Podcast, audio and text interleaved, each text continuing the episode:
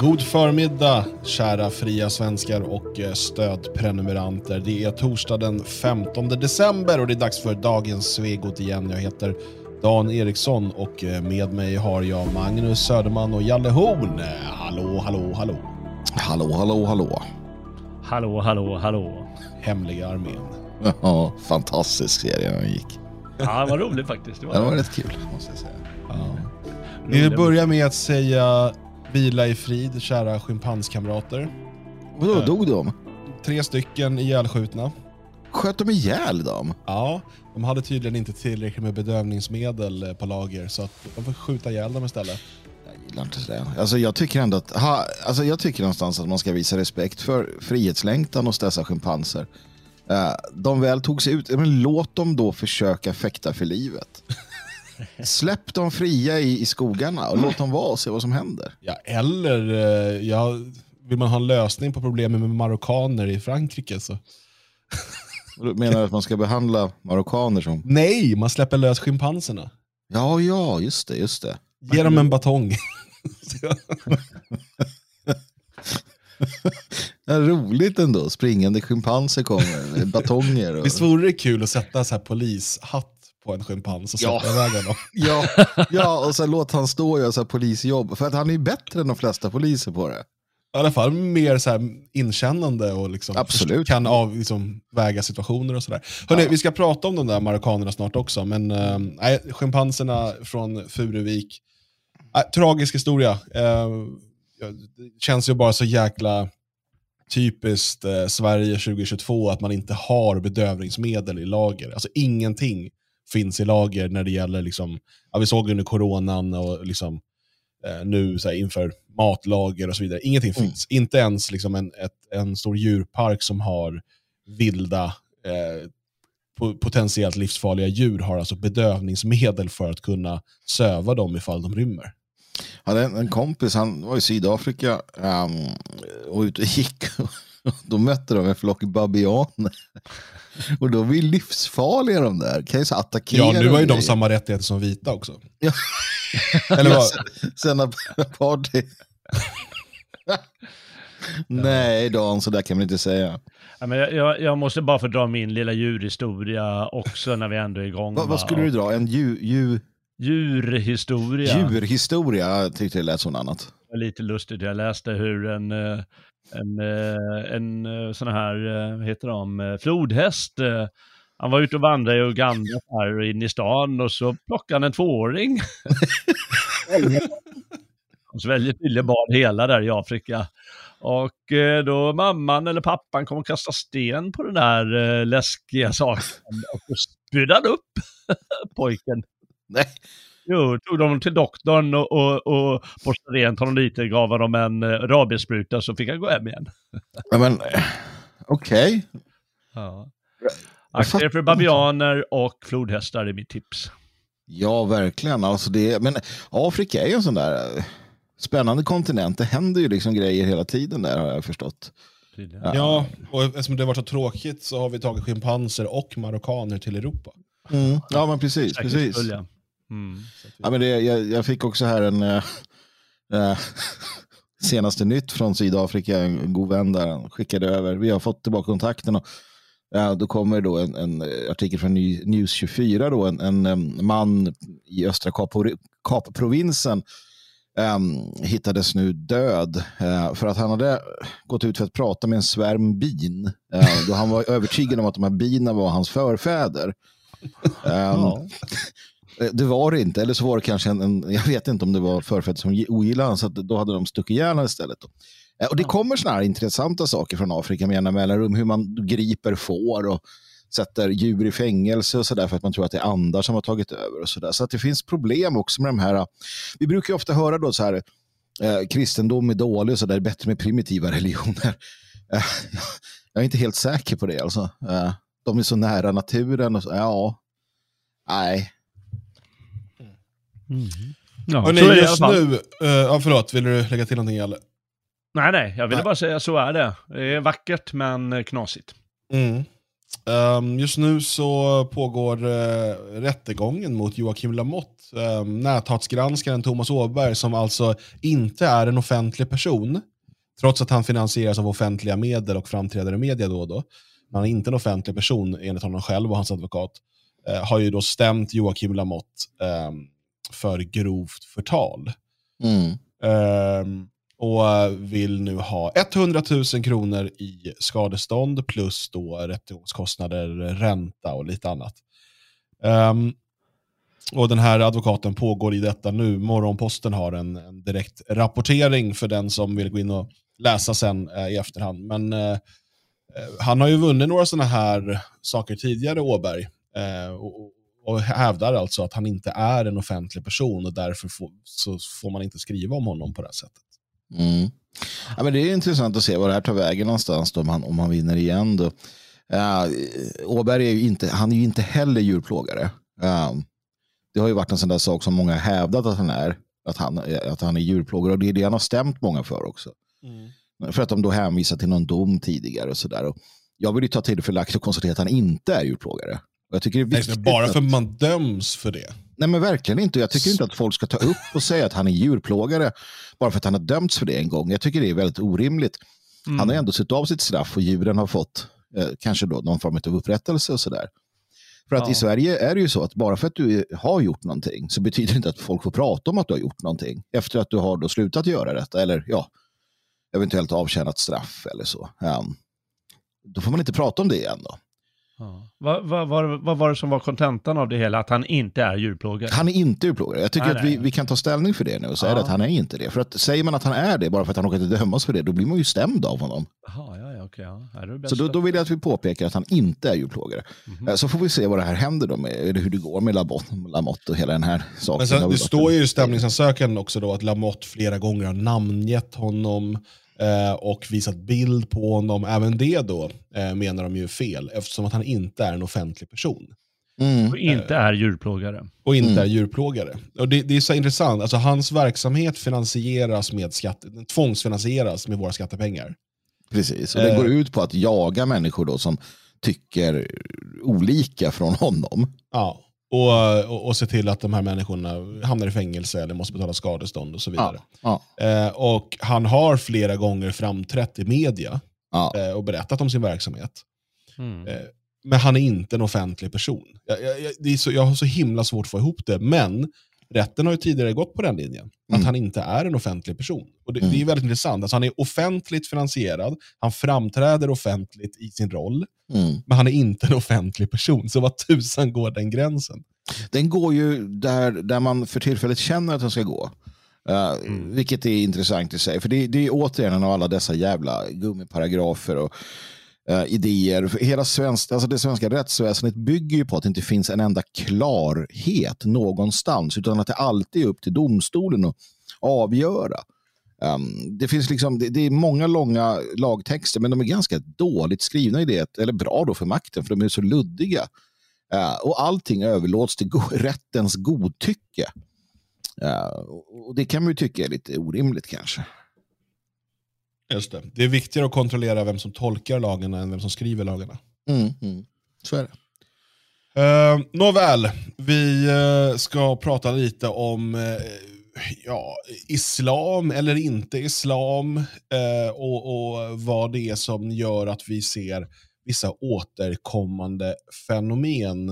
under natten till idag så har det ju varit upplopp och kravaller runt om i Centraleuropa framförallt i Frankrike och Belgien. Och Det här då till följd av att eh, marockaner eh, har eh, ja, slagit sönder stadskärnor, eh, attackerat människor eh, och, och satt eld på bilar och, och, allt vad det nu är. Eh, det var ju så att Marocko igår spelade VM-semifinal mot Frankrike som man förlorade. Vi vet ju att efter varje marockansk match hittills har det varit kravaller. De har ju vunnit alla matcher hittills, så vi har ju undrat lite hur kommer det bli om de väl förlorar marockanerna. Och det blev precis likadant fast lite till. Ehm, så på det sättet är det ju ett folk som är lätt att liksom förstå. Det är, man, man liksom, vare sig man är glad eller är det arg så går man ut och slår sönder saker. Det, det, det, är, liksom, det är lättläst. Uh, jo men precis. Um, och du var väl inne på det där då, som sagt. För att det, det um, talas ju då om att det är, eller så här, hur ska vi förstå detta? För att det finns lite olika förklaringar här. Jag ser att vissa de drar sig åt att det här då är ett, eh, att det är då islam som, som ligger bakom det här, att det är muslimer. Uh, och, och, givet är ju att många av de här människorna är då uh, muslimer kulturellt eller kanske till och med troende. Jag tror att de flesta inte är särskilt troende utan Eh, de, de, är ju snarare då eh, av kulturell häv muslimer. Eh, precis som så många svenskar var så kallat kristna förr i världen. Nu har man ju liksom gått vidare från det också. Nu är det bara ingenting. men jag menar på 50-60-talet och sådär och även framåt så var det ju många svenskar som då betecknas som kristna men de var ju inte kristna naturligtvis.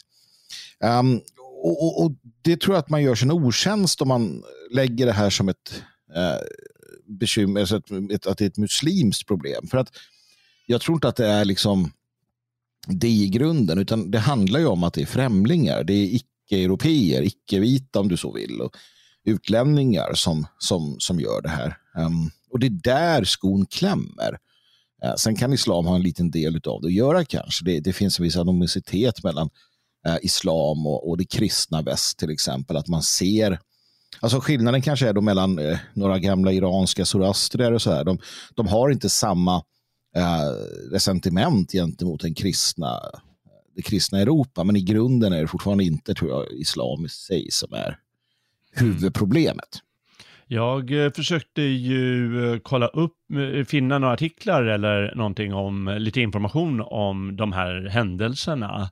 Och i alla artiklar jag fick upp, då stod det ju, då, då markerade de mycket klart tydligt att eh, ja, eh, efter årtionden av eh, fransk kolonialisering av Marocko, bla bla bla. Mm. Och då är det som att man underförstått ska förstå att det är orsaken. Men det tror inte jag heller är orsaken. Utan jag tror att eh, vissa människor tar sig inte friheten, utan de agerar bara på ett visst sätt. Eh, och tycker att ja, men så här kan man göra. Mm. Är det och, inte bara ett fotbollsproblem då? Har inte engelsmän också slagit sönder städer under fotbolls-VM? Jo, det har de gjort ska du veta. Fantastiskt. Eh, jag läste någonstans att här är första VM som eh, brittiska, brittiska fans inte har slagit sönder staden de befinner sig i, i det här fallet och Qatar eller Qatar är inte en stad, det är ett land, men att de inte har liksom gått typ lös. en stad också. Ja, det är typ så. Ja. Och tydligen så är det här lugnaste VM någonsin för de brittiska fansen. Mm. så att eh, det, det, det är klart att man skulle kunna säga att det är det, om det inte var som så att det här upprepas också när det inte är fotboll. Och att den här typen av invandrarkravaller, uh, upplopp och, och, och elände ser vi ju med jämna mellanrum. Det kan vara fotboll, det kan vara någon som har tecknat eh, Mohammed. Det kan vara någon som har sagt något, gjort något. Det kan vara att det var slut på halalkött. Uh, eller bara att det var varmt, eller att det var kallt. Uh, eller att det var något annat. Så att, uh, nej, jag tycker att det, det, är orimligt att, att kalla det för en... men naturligtvis, fotbollen är ju det utlösande i det här fallet. Mm. Så är det ju. Det, det ska vi inte sticka under stol med. Just det, fotbollen är glidmedlet, men man måste ändå själv välja att stoppa in den. Ja, så man måste ta i och stöta till, alltså alldeles oavsett. Va? Så, så är det ju. Det har man ju gjort med, med besked i de här länderna. Den här gången spred sig också eländet. Det var ju inte bara i, i Belgien, utan det, det var lite överallt. Då. Men det är så här det blir, helt enkelt. Och eh, Vid ett tillfälle i Montpellier så eh, attackerade man ju, man attackerade flera bilar, men det var en bil som hade ja, eh, som vågade sig på att ha en fransk flagga i bilen. Ehm, det var ju ändå i Frankrike tänker man, men det här gillade inte marockanerna så att de attackerade bilen och försökte slå sönder den. Eh, och föraren var smartare än en annan förare. Så I Avignon så var det en chaufför som slets ut eh, ur sin bil men lyckades sen springa från platsen. Ehm, men den här föraren han ehm, valde att istället gasa därifrån. Eh, och eh, i och med detta så eh, var en av de som hade klättrat upp på bilen, en, en 14-årig marockan, hamnade under bilen och avled sen på sjukhus av sina skador. och det här lär väl i sig kanske betyda att vi får ännu fler kravaller de närmaste dagarna då? Ja, det, det, brukar ju det brukar kunna bli så, såklart. Ehm, och ehm, det, det tenderar att kunna sprida sig. Vi får se. Alltså det, det, det här var för, för en massa år sedan så var det ju lite nytt och lite unikt när det blev den här typen av upplopp. Nu är vi ganska vana vid det, så att, ja, men som man har sett och det, det här som har hänt nu, det har ju inte blivit så där stora, eh, stora rubriker om det, och så, utan vi är ganska vana vid det här och, och det är för att vi har vant oss vid mångkultur.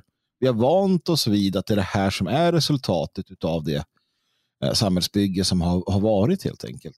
Um, och Det finns olika förklaringsmodeller till det, men, men det, det är där vi i grunden um, det är där i grunden vi hamnar. Samma sak som de här korankravallerna vi hade då i, i Sverige som utlöstes i det fallet. Då. Det var inte fotboll den gången, utan det var ju en dansk som var här uh, och skulle bränna Koranen. Uh, och då var det en massa människor arga som egentligen inte brydde sig om det där i, i vanliga fall. För det, var, det har man kunnat se nu att det var inte så vidare mycket kopplingar till just radikal islamism alls. Utan det är, eh, det är att man um, att man ställer till det helt enkelt. Och, och ja, det är där vi landar hela tiden. Och det är det vi måste inse tror jag också. Mm. Alltså om vi ska ha någon möjlighet att, att, eh, att eh, möta det hela eller att förstå vad vi måste göra så måste vi ju förstå. För att det är ju inte nödvändigtvis så här i deras egna hemländer. Alltså, um, det finns ju en del bråk i Mellanöstern. det ska vi inte sticka under stol med. Men men, men, men, där hålls det ju i schack på ett annat sätt kanske också. Man har en annan förståelse kulturellt för, för sin befolkning och vad som krävs och så vidare. Det saknas ju helt här och då blir det en helt annan sak. Mm. Ja, det där verkar ju funka på engelsmän också. Alltså, det gör det anledningen till att engelsmännen för en gångs skull inte liksom begår kaos eh, under fotbolls-VM är ju för att den katarska polisen ser till att det inte sker. Mm, Men jag, jag vill bara tillägga också de här marockanerna och eh, diverse andra personer som, som eh, gör på liknande sätt, de får ju understöd. Det ska man aldrig glömma, att de får ju understöd av, av media till exempel, eller kanske politiker och, och liknande varelser. Eh, vi, vi så, eh, som jag sa nyss, att eh, man ska ha förståelse för marockaner som härjar, för nu är det faktiskt så att Frankrike har haft Marocko som koloni en gång i tiden. Mm. Mm. Ja, jag har också läst att marockaner behandlas som andra eller tredje klassens medborgare. Alltså att det, det, är islamofobi som ligger till grund för det här. Det här är bara ett uttryck för liksom deras frustration över eh, ja, islamofobin de utsatts för i Belgien och Frankrike. Mm. Eller hur? Ja, men det finns ju alltid ursäkter såklart. Det gör det ju. Och du visade ju något intressant eh, här innan, innan vi gick eh, till inspelning. Dan. det var ju en historielektion du gav mig och Jalle gällande just det här med det historiska arvet och så. att Om vi nu har någon form av om vi nu har någon form av historisk skuld också gentemot islam då, marockaner och annat. Så bör man ju då i rättvisans namn titta på huruvida det kan finnas någon skuld åt andra hållet. Va? Hur man har betett sig kanske. Och, och då, då kommer du med en ganska intressant eh, eh, utblick där, en, en sida från en historiebok som berättar lite grann hur det var att vara kristen under det ottomanska väldet. Det var ingen rolig historia. Nej, Nej. vad var det stod egentligen? Ja, det är, det är flera saker. Det här handlar ju om, eh, om på Balkan hur de ortodoxa kristna serberna eh, ja, de blev ju inte ens andra klassens medborgare. De blev ju i stort sett eh, rättslösa. Mm. Eh, de förbjöds dels att jobba med massa olika saker. De förbjöds till och med att liksom äga och använda hästar. Eh, mm. så intressant. Um, och um, de fick inte ens rida på en åsna om det fanns en turk i närheten. Um, alltså det finns massor nära. Sen så hade ju även då turkarna eller någon som hade konverterat eh, och, och, som var någon typ av i högre rang då hade även så prima noctra då för alla kristna som gifte sig. Eh, alltså rätt att eh, belägra eh, frun för första, på, på bröllopsnatten. Mm. Eh, och det, ja, man förbjöd ju deras religiösa uttryck på olika sätt. Eh, man fick inte göra korstecken, man fick inte visa korset, man fick inte ens äta fläsk i närheten av en turk. Mm. Eh, och ja, Det var en massa sådana här saker. Det, det var liksom så som kristna behandlades när, när muslimerna ockuperade deras land. Och det som jag vet att de här muslimerna, ottomanerna eller idag turkarna, de ockuperar ju fortfarande europeiskt land. Precis, men då kan man ju säga så här, men vad då? Vad, vad är det att bråka om historisk skuld hit och dit? Titta på engelsmännen och, och skottarna, eller engelsmännen och några andra, eller titta på i, i Spanien eller andra ställen där delar av befolkningen förtryckte andra delar. Titta på feudalväldet, titta vad dumma vi var mot varandra historiskt sett. Ja, alltså det var rätt jävla elakt förr i världen. Alltså man var ganska oschysst. Vi gjorde skittaskiga saker med turkar också. Um, och, och, och, de här uh, mongolerna, Genghis khan, de gjorde hemska saker. Japanerna var skittaskiga mot kineserna och kineserna har varit skittaskiga mot andra. Alltså det är så vi har hållit på. Och liksom ingen går omkring nu och så här, ja men de där ungrarna var dumma mot oss för typ 200-300 år sedan. Nu ska vi... Man, man går vidare va? Eller så här, vi går vidare. Den civiliserade delen av världen går vidare och säger att nej men okej, äh, vi måste släppa det och gå vidare. Medan andra använder det som ett konstant slagträd. Att, att vi ska ha någon generationsskuld till slavhandel eller vad, liksom, korstågen har jag hört om och sådär. Och så. Men, men, men det går ju aldrig åt andra och det är där problemet. Vi, vi kan vara överens om att vi var taskiga mot varandra historiskt sett. Jag är beredd att köpa det. Liksom.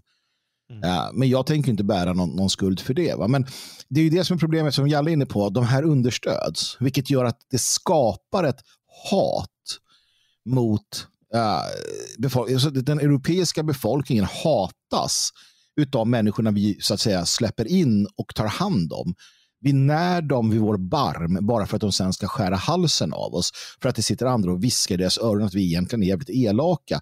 När sanningen är den att vi är skitschyssta. Vi är så jävla snälla för vi öppnar våra dörrar. Vi öppnar våra hjärtan. Det har vi gjort historiskt sett. Vi har gett dem pengar, vi har gett dem möjligheter, vi har velat dem väl och så vidare. Och tacken har då varit att, att delar av, av befolkningen har fortsatt att hetsa dem, politiker och annat, hetsa dem mot oss, att de sedan har mördat våra söner, våldtagit våra döttrar, slagit sönder våra städer. Eh, men av någon anledning så fortsätter vi att, att inte liksom ställa oss upp och, och sträcka på oss, utan vi fortsätter att huka och det är där problemet ligger. Mm, mycket bra sagt. Och inte minst som du sa, att eh, ge legitimitet åt dem att eh, skära halsen av en.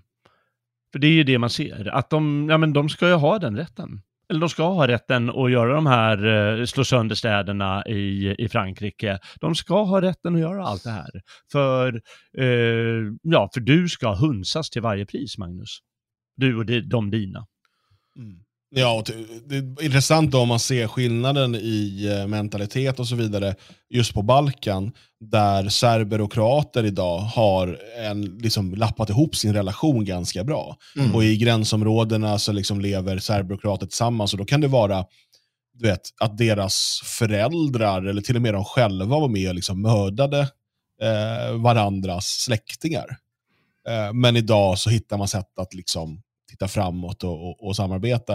Eh, vilket absolut inte går att jämföra med situationen med albanerna till exempel.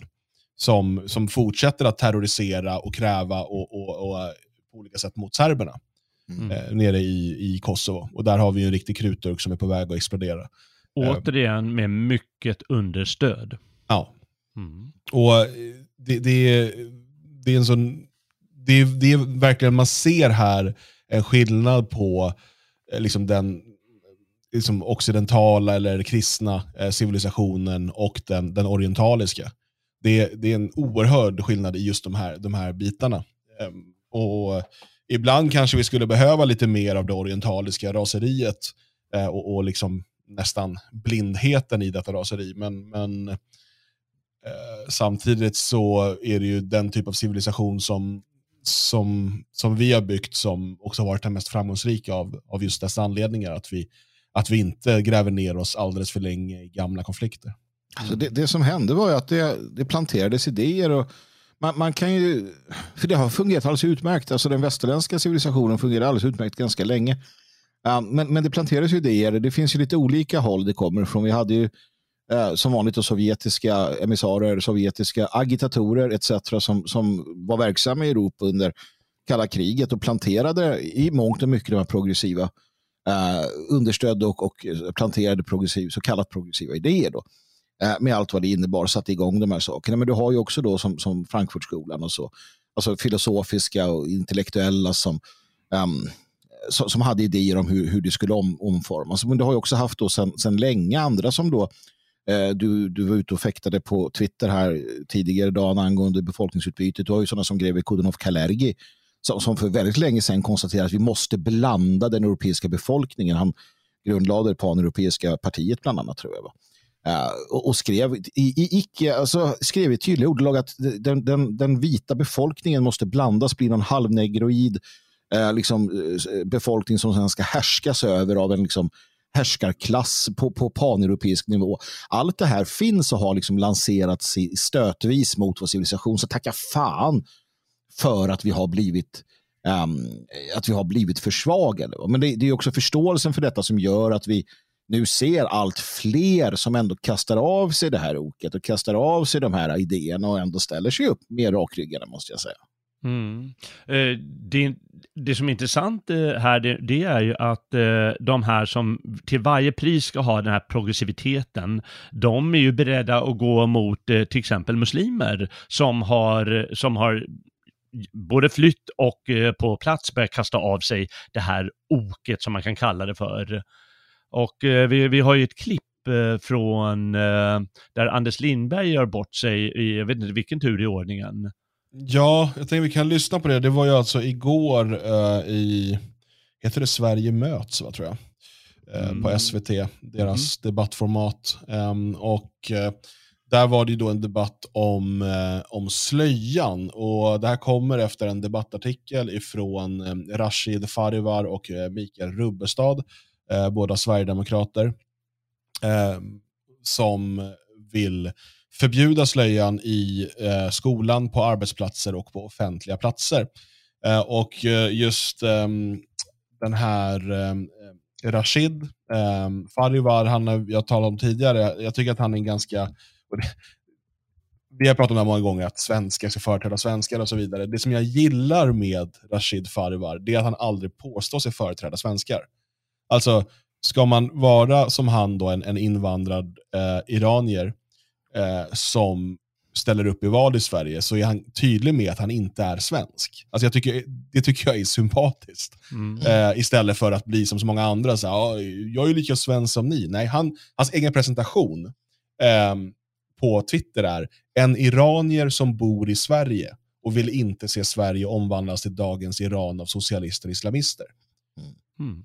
Eh, det, ja, för mig blir det, det ger ett väldigt sympatiskt intryck att man har den, den inställningen. Och när han då i SVT eh, berättar om det förtryck som han och hans familj och släkt och hans fru och hans frus familj har upplevt i Iran, eh, så eh, kan Anders Lindberg inte hålla tillbaka sin, sin godhet. Eh, det låter så här. Jag har en bild här. Det här är min fru när hon var fem år gammal. Hon har ingen bild på sig från sin barndom och tonårsålder utan slöja på. Vi har levt med det här förtrycket. Min fru har levt med det här förtrycket år efter år efter år. Min mamma har levt med det. Min syster har levt med det. Alla mina kusiner har levt med det. Anders Lindberg, vad vet du om slöja? Du, du ska läxa upp mig om vad slöja är, vad, vad sharia-lag är. Du borde skämmas Anders. Mm, får jag säga du borde skämmas. Så här, så här. Så här. Det, det, nej, men jag, fick frågan till mig. Jag tycker så här, du är riksdagsledamot. Du stiftar lagar i det här landet och här står du och försöker virka en offerkofta. Alltså jag tycker, plocka av er offerkoftan, ta, ta bort den diskussionen. Ja. Jag, jag, måste ju säga så att jag, jag ger mig ju sällan in i den här debatten på det sättet. Va? Eh, men här känner jag att jag måste dra blankt för min eh, iranska broder. Alltså uh, utsatt som han blir av den här fruktansvärda Lindberg. Alltså, här, här står han och, och, jag har all, alltså det, det, det, det som muslimerna gjorde med Iran, som var liksom en, en, en upplyst, eh, alltså den, den, en, en upplyst del av världen, en, en fantastisk kultur innan islam, som sedermera då la locket på och liksom klädde dem i säck och aska och har verkligen på alla sätt och vis förstört och gjort allt de kan för att förstöra den ariska zoroastrismen och, och allting som har legat till grund för det här. När han står här och i sann socialistisk anda äh, går på. Alltså det är vedervärdigt. Alltså, jag förstår liksom inte hur han ens kommer undan med detta. Um, jag blir lite, jag blir lite så här... Uh, jag vet inte, jag har svårt att... Jag, jag vet inte. Ja, jag, jag antar att han tycker att eh, det är helt på sin plats att eh, den här, eh, hette han Rashid eller? Mm, Rashid, ja. Rashid, att, han, att hans familj eh, har levt under sådant förtryck. Det, det är vad jag, jag kan inte förstå det på något annat sätt. Eh. Nej, att det är en offerkofta. Att, att han förklarar då hur, hur den här äh, religionen då med de här mullorna och så har tvingat hans då, äh, fru från att hon var en liten flicka. Det finns inga bilder på henne utan det här äh, klädesplagget. Och, och det tycker Anders Lindberg, det var rätt. Det var rätt. Det, det finns ju ingen annan tolkning. Nej, det finns ingen antolkning. Och jag ska gå längre än så, eh, eftersom jag har eh, haft eh, eh, lite kollegor så eh, i skolvärlden som har råkat ut för saker i Iran. En, eh, en arbetskamrat, han berättade hur, eh, hur han kom till Sverige och det var för att han varje helg han fick stryk av eh, gäng eh, från antingen eh, liksom lokala eh, moskén eller från eh, de som arbetar för eh, regering eller myndighet eller något sånt. Så drog in honom i gränd och gav honom riktigt duktigt med stryk. Eh, pratar vi alltså mörbultar, då kunde det hända värre grejer än så eh, månad efter månad, år efter år, tills han, frun ville ju inte, ville ju inte flyga, så han fick göra det ensam. Han fick stiga upp mitt i natten och titta på dem en gång och sen sticka iväg. Och eh, han har även sagt hur, hur andra, eh, de, och eh, det var för att han inte ville, ja men jag, jag vill ju inte gå och be 17 gånger om dagen och inordna mig totalt, utan jag, jag vill leva ungefär som jag gjorde tidigare, fast ja, jag förstår hur det är nu. Eh, ville vara bara lite, inte underordna sig helt. Och andra familjer, de får stryk, eh, pappan får stryk för att eh, kvinnan kanske inte har slöja på sig hela tiden som bör, eller barnen inte har slöja på sig hela tiden.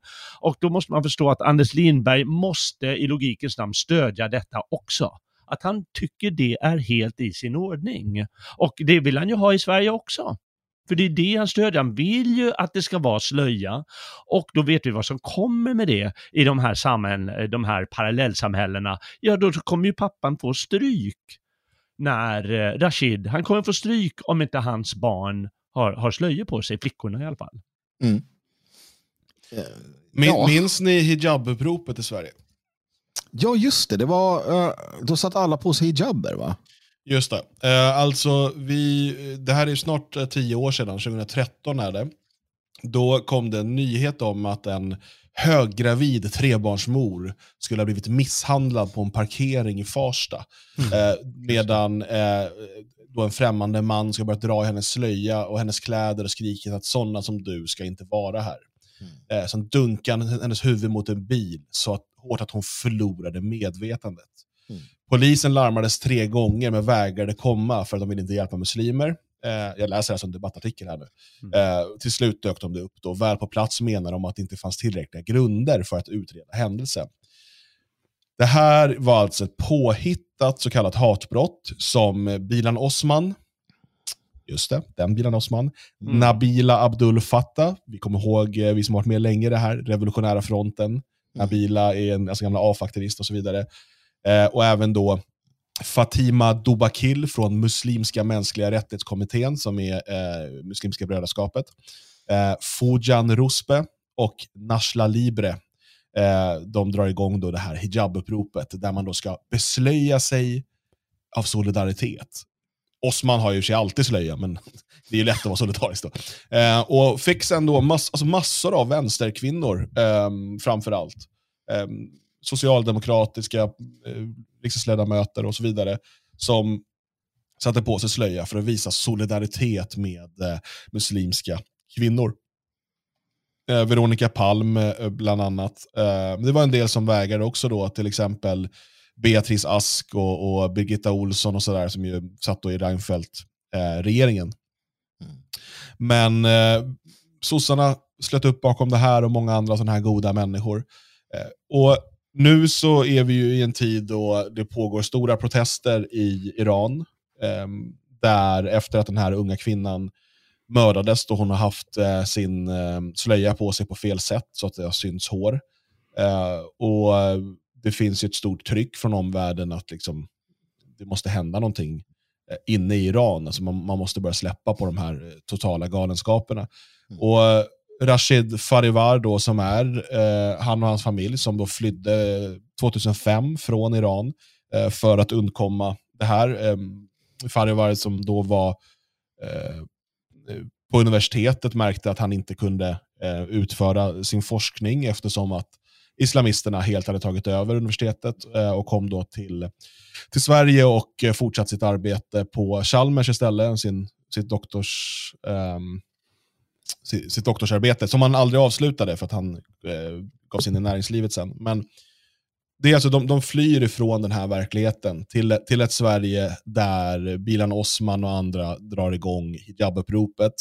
Eh, och sen när han då berättar sin historia om det förtryck som de de facto utsattes för, då står alltså ledarskribenten eh, i Aftonbladet, LOs ledarskribent, eh, det stora maktpartiet, den stora djupa statens ledarsida eh, och berättar att det där är en offerkofta. Mm. det, är, ja, det är hårresande egentligen. Ja, det är det.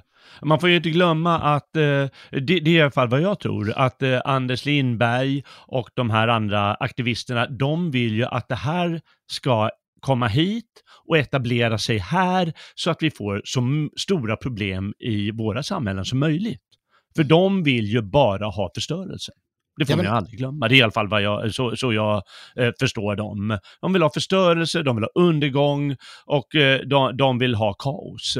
Och det är därför de vill ha det här till varje pris. Det är inte för frihetens skull han vill ha eh, de här, att de ska få beslöja sig som de vill, utan det är för att han vill ett ha förtryck och för det andra för att det ska vara kaos i landet. Ja, men det, det är uppenbart, för det finns ingen stringens. Om du tittar på eh, Nabil Abdul Fattah till exempel, då jag tittar på hennes Twitter just nu, Uh, å ena sidan så var hon ju då en av dem som, som alltså hon är, hon är vänsterextremist uh, i grunden. Eh, hon stödde det här då, uh, hijabuppropet då, eller så, för att eh, då ville hon att, att kvinnorna skulle då bära den här religiösa symbolen. E-, egentligen är hon ju icke-religiös eftersom hon är vänster, men hon stödjer ju det. Å andra sidan som man ser nu då, så stödjer hon utan tvekan iranska kvinnor i Iran som, som äh, inte vill bära detta, som, som ser det här som ett förtryck. Det gör hon också. Och hon lägger upp här på någon så här kampsång från eh, liksom en persisk kampsång mot förtrycket det här och islams förtryck och så samtidigt som hon vill försvara eh, moskéer i, i, Sverige. Det är sådana de är. Eh, jag menar, eh, socialistiska grillor i Mellanöstern slåss ju på liv och död mot muslimska eh, organisationer och tvärtom. Eh, men i Sverige så väljer man från den socialistiska liksom, vänstersidan naturligtvis stödja båda sidorna, lite beroende på vad. Och det är ju för att de har den här idén om den, som du är inne på Jalle, de vill ha kaos, de vill ha blod, de vill ha krig och de vill ha revolution. De vill att, att, att människor ska vändas mot varandra för det är då de kan kliva fram eh, och, och hoppas då kunna, kunna Ja, men det är ju det. Själva grunden i marxismen är ju att det är i striden, i klasskampen, i, i det, det är där det liksom mejslas ut. Det är ju själva grundidén, så det är självklart att de gör på det sättet. Mm. Ja, eh, och man kan ju tycka då, det här är ju en ställning vi ibland till viss del tar, att det här eh, med slöja och så vidare, det, det är en fråga inte för svenskarna egentligen och att det är ett importerat problem. Eh, men det blir också väldigt tydligt i den här typen av eh, vad ska man säga, debatter och så vidare, eh, vilka som är liksom, alltså, i, det, i den här debatten är det inte svårt att ställa sig på, på liksom den invandrade Iraniens sida eh, mot, mot Anders Lindberg. Och, eh, vi måste också förstå att den situation vi är i nu så är det runt ja, miljonen, någonting, kanske till och med upp mot två miljoner människor med eh, muslimsk identitet i Sverige. Och bland dem finns en, en eh, hård grupp utav, utav islamister.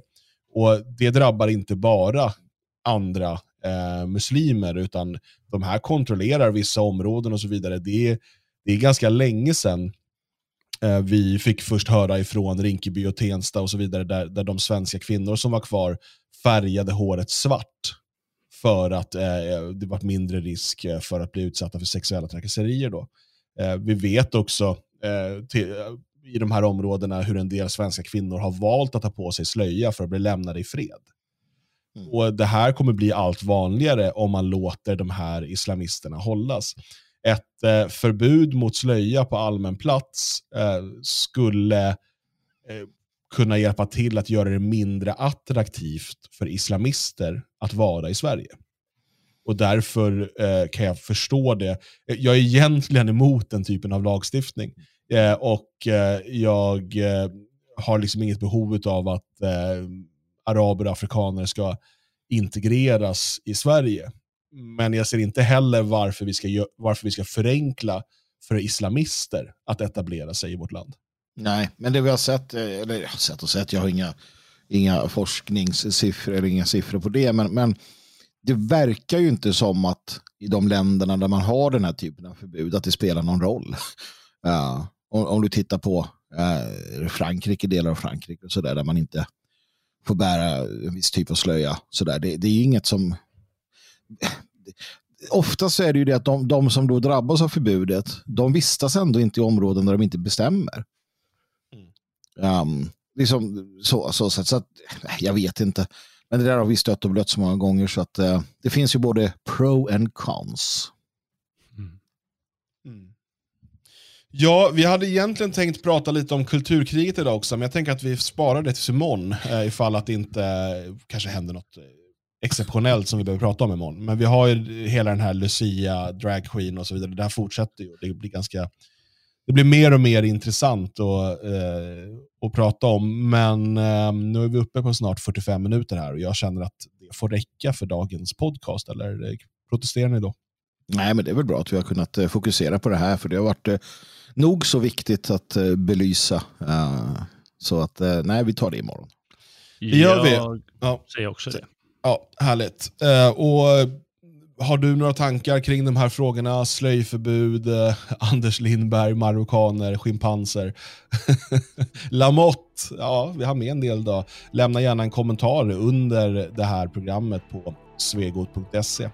Stort tack för ditt stöd och ha en fortsatt fin torsdag.